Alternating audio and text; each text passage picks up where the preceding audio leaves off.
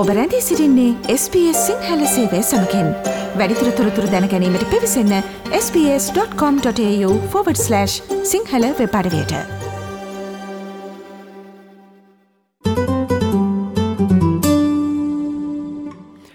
ආහාරවල පවතින සුරක්ෂිත බව. හෙමත් නැත්තම් සුරක්ෂිත ආකාරයෙන් ආහාර සැකසීම සහ භාවිත කිරීම අපි හැම දෙනාගේම ශරීර සෞඛ්‍යයට බලපානවා. ඉතින් මේ මාසේ හත්වැනිදාට කියන්නේ අදට ඒදී තිබෙන ලෝක ආහාර සුරක්ෂිතතා දිනය නිසාම මේ සම්බන්ධයෙන් සාකච්ඡා කරන්න තමයි අපි අද දවසේදී කල්පනා කළේ.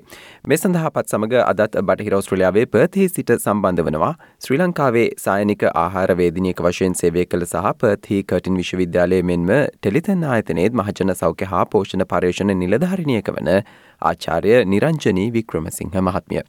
අයිබෝවන් සුබූදෑස්තනක් නිරංජනි මහත්මිය අයිබෝන් නිපුණ. හොඳයි ආහාර සුරක්ෂිතතාව කියන්නේ මොකක්ද සහ අපි ඒ ගැන අවධානය යොමු කළ යුත්තේ ඇයි කියන කාරණාවත් එක්කම අපි එහෙමනම් අපේ සාකච්ඡාව ආරම්භ කරමු. ඔව් නිපුණ. ආහාර සුරක්ෂිතතාවය. එහෙම නැත්නම් ෆුඩ් සේෆ්ටි කියන්නේ අපි ආහාර නිෂ්පාදනයේ සිට අපි කෙනෙක් ආහාරය ගැනීම දක්වා එම ආහාර ද්‍රව්‍ය ලබා ගැනීම නිසා පුද්ගලයා රෝගී තත්ත්වයකට භාජනය නොවන ලෙස ආරක්ෂා සහිත විදියට ලබා දීම එතක එතෙන්දි කතා කරන්න පුළුවන් ෆුඩ් හැන්ඩ්ලිං ප්‍රෙපෙයාරිං ඇන්ඩ් ස්ටෝරිං ඒ හැම අවස්ථාවකදීම ශුද්ධ ජීවීන්ගෙන් හරි එහෙම නැත්නම් වෙනත් විශේෂ සහිත කෙමිකල් වගේ දේවල් වලින් ටොක්සික් නොවි කෙනෙකුගේ ආරක්ෂිත ලෙස කැමට ගැනීමට ලබා දීම තමයි ෆුඩ් සේෆ්ටි කියන්නේ. ඉතින් කෙටියුම් කිව්වොත් ආහාර ශුද්ධ ජීවීන්ගෙන් එකතු එකතු වීම නිසා වන විෂවීම වළක්වා ගැනීම එහෙම නැත්නම් ඇලර්ජීස් එහෙම නැත්නම් ඉන්ටොලරන්ස් හින්දා කෙනෙකුට වෙන්න පුළුවන් විෂවීම වළක්වා ගැනීම තමයි ෆුඩ් සේෆ්ටි කියලා කියන්නේ. නිකුණ මේක ඉතාම වැදගත් ඇයි කියලා අපි කතා කරොත් ෆුඩ් බෝන් ඩිසීසස් හින්දා 150,000 ඩෙත්ස් වෙනවා every year වලට. ෆුඩ් බෝන් ඩිසීසස් වලින් අපි මිනිස්සුන් ආරක්ෂා කරගන්න ඕන නිසා තමයි ෆුඩ් සේෆ්ටි එක ඉම්පෝර්ටන්ට් ඒ ටික තමයි කියන්න තියෙන්නේ මූලික වශයෙන්. ඕ මෙවර දෙදහස් විසි දෙකවසරේ ලෝක ආහාර සුරක්ෂිතතා දිනයේ තේමාව වෙන්නේ සේෆ ෆෝඩ් බෙට හෙල්ත් ඉතින් අපිට එදිනදා ජීවිතයේදී අනුගමනය කළ හැකි ආහාර ආරක්ෂණ ක්‍රම සහ පුරුදු ගැනත් කෙටි පැහැදිලි කිරීමක් කරමු. හොඳයි නිපුණ. එදිනදා ජීවිතයේ අනුගමනය කළ හැකි ආරක්ෂණ ක්‍රම ගැන කතා කරොත් පළවෙනිම දේ තමයි පර්සනල් හයිජීන් කියන එක ස්පෙෂලි හෑන්ඩ් වොෂින්. ඒක හැමෝටම ලේසියෙන් කරන්න පුළුවන් දෙයක්. ඊළඟට අපි පාවිච්චි කරන භාජන, කටින් බෝඩ්, නයිෆ්, ස්පූන්ස් වගේ හැම දෙයක්ම හොඳට ක්ලීන් කළෙම නැත්නම් විස්ස බීජ හරණය කරලා පාවිච්චි කරන්න ඕනේ, සැනිටයිස් කරලා ගන්න ඕනේ. ඒ වගේම අපි කෑම පිළියෙල කරලා අවසන් වුණාට පස්සේ ඒවා ඒ ආහාරයට ගන්නකම් හරියට ස්ටෝ කරලා තියන්න ඕනේ. ඒ කියන්නේ තියන්න ඕනේ උෂ්ණත්ව රේන්ජ් එකක් තියෙනවා. විශේෂයෙන්ම ටෙම්පරේචර් එක 60 ඩිග්‍රීස් වලට වඩා අඩුවෙන් පැය දෙකකට වඩා ආහාර එළියේ තියන්න හොඳ නැහැ පිළියෙල කරාට පස්සේ. ඒවා හරි ටෙම්පරේචර් වල ස්ටෝ කරන්න ඕනේ. කියන්නේ එක්ක ෆ්‍රිජ් එකක හරි ඩීප් ෆ්‍රීසර් එකක හරි ඒ ආහාර වර්ගයට අනුව අපි ස්ටෝ කරන්න ඕනේ. ඒක හරිම වැදගත්. ඊළඟ එක තමයි පෙස් කන්ට්‍රෝල් කියන එක. පෙස් ලගෙන් හුඟක් වෙලාවට කෑම වෙන්න පුළුවන්. ඒ කියන්නේ අපි ගෙදරදී වුණත් එහෙම නැත්නම් රෙස්ටොරන්ට් එකකදී වුණත් අපි මිනිස්සුන්ට කෑම දෙන තැනකදී මේ කියන කාරණා ටික හරිම වැදගත් වෙනවා. මීට අමතරව food allergies and ඉන්ටොලරන්ස් හින්දාත් uh, ආහාර සමහර විට විෂ වෙන්න පුළුවන්. ඒ නිසා අපි ඒ ගැන හොඳ අවබෝධයක් තියෙන්න ඕනේ. කාටද ෆුඩ් ඇලර්ජිස් තියෙන්නේ මොන වගේ ෆුඩ් වලටද ඇලර්ජිස් තියෙන්නේ කියන එක අවධානයෙන් තමයි අපි ගෙදර කෙනෙක් ගැන නම් අපි හුඟක් වෙලාවට දන්නවා. ඉතින් පිටදී වුණත් අපි රෙස්ටොරන්ට් වලදී වුණත් ලේබල් කරලා හරි ඒගොල්ලන්ගේ uh, අපි දෙන කෑම ඒගොල්ලන්ට හරියට අවධානයෙන් දෙන්න ඕනේ. හරි කෙනාටද මේ කෑම දෙන්නේ කියලා. එහෙම නැත්නම් හුඟක් ප්‍රශ්න වෙන්න පුළුවන් ටොක්සික් වුණොත් මරණයට පවා පත් වෙන්න පුළුවන්. ඒක හරිම ලීගල් පැත්තෙන් වුණත් අපි රෙස්පොන්සිබල් කෙනෙකුට කෑමක් දෙනකොට හුඟක් ඒ ගැන හිතලා බලලා ආරක්ෂාකාරී විදිහට තමයි දෙන්න ඕනේ. ඔබ කෙටින් සඳහන් කරා මේ සම්බන්ධෙන් ආහාර ආස්වාදන සහ විෂවීම වගේම ආහාර මගින් ඇතිවන රෝගත් තිබෙනවා. ඉතින් මේ රෝග මොනවද? ඒ වගේම ආහාර ආරක්ෂණ ක්‍රම මගින් ඒවා අවම කරගන්නේ කොහොමද ආචාර්යතුමියනි?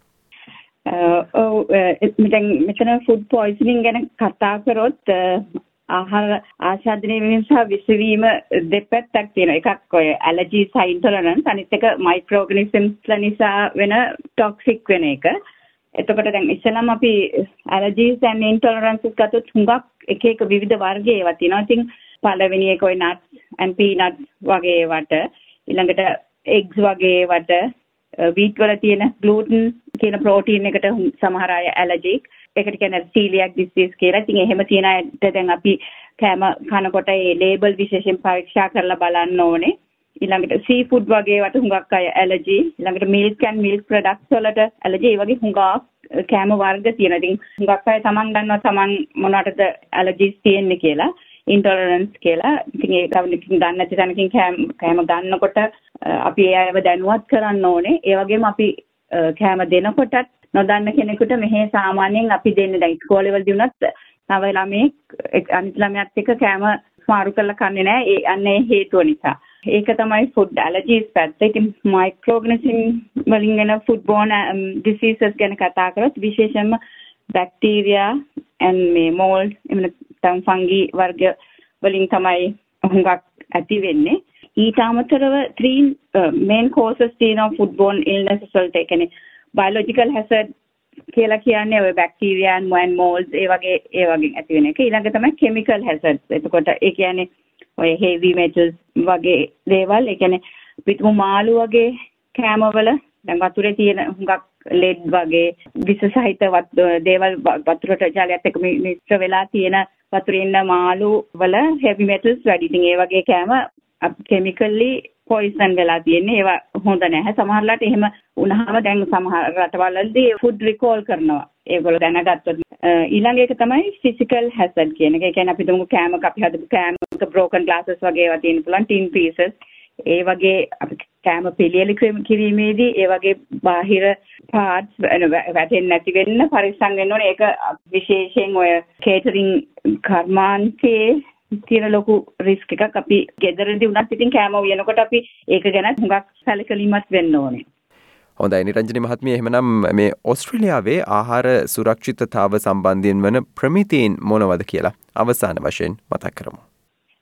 ඔව් නිපුණ ඔස්ට්‍රේලියාවේ ප්‍රධානම ෆුඩ් සේෆ්ටි වලට තියෙන රෙගුලේෂන්ස් තියෙන ඉන්ස්ටිටියුට් එක තමයි food standard Australia and New Zealand කියන ඔතොරිටි එක ඊට අමතරව ඔස්ට්‍රේලියාවේ විවිධ දැන් අපේ ඩිෆරන්ට් ස්ටේට්ස් වල ඩිෆරන්ට් ඒජන්සිස් ඒ කියන්නේ අපිට මොකද WA වල නම් තියෙන්නේ ඩිපාර්ට්මන්ට් ඔෆ් හෙල්ත් වික්ටෝරියා වල වික්ටෝරියන් හෙල්ත් ඩිපාර්ට්මන්ට් එක ඒ වගේ හුඟක් වෙලාවට හෙල්ත් ඩිපාර්ට්මන්ට් එක ආශ්‍රිතව තියෙනවා ෆුඩ් රෙගියුලේෂන් වලට ස්ටෑන්ඩඩ් ඔතොරිටි එකක්. ඉතින් ඒවෙන් ප්‍රධාන වශයෙන් කරන්නේ ෆුඩ් ලේබලින් කන්ට්‍රෝල් කරනවා. ෆුඩ් ලේබලින් ගත්තොත් ඒක නියුට්‍රිෂන් ඉන්ෆෝමේෂන් ගැන ඉන්ග්‍රීඩියන්ට් යූස් බයි ඩේට් ඒ වගේම යූස් ඇන්ඩ් ස්ටෝරේජ් ඉන්ස්ට්‍රක්ෂන්ස් ඒගොල්ලෝ හොඳට මොනිටර් කරනවා. ඒ වගේම ඒක කම්පල්සරි නොවුනත් හෙල්ත් ස්ටාර් රේටින් කියන එකත් ඔස්ට්‍රේලියාවේ තියෙන ෆුඩ් ස්ටෑන්ඩඩ් එකක්. ඒ වගේම සව තියෙනවා ඔය නියුට්‍රිෂන් ක්ලේම් වගේ කියන්නේ low fat good for bone health වගේ අර හෙල්ත් ක්ලේම්ස් තියෙන ස්ටෑන්ඩඩ්ස් තියෙනවා. ඒවා තම කම්පල්සරි නැහැ. නමුත් ඒවා ඉදිරියේදී විශේෂයෙන් අවධානය යොමු කරන පැති තමයි.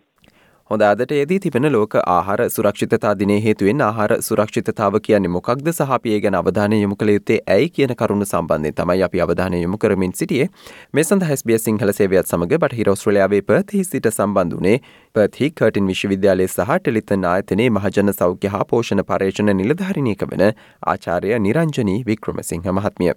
එමනම් නිරංජනී මහත්මිය ඔබට බෙහෙවින්ම ස්තුතිවන්ත වෙනවා ඒ වගේම සුබ දවසක් ප්‍රාර්ථනා කරනවා. අයිබෝවන් අයිබෝන් ස්තුතියි නිපුණ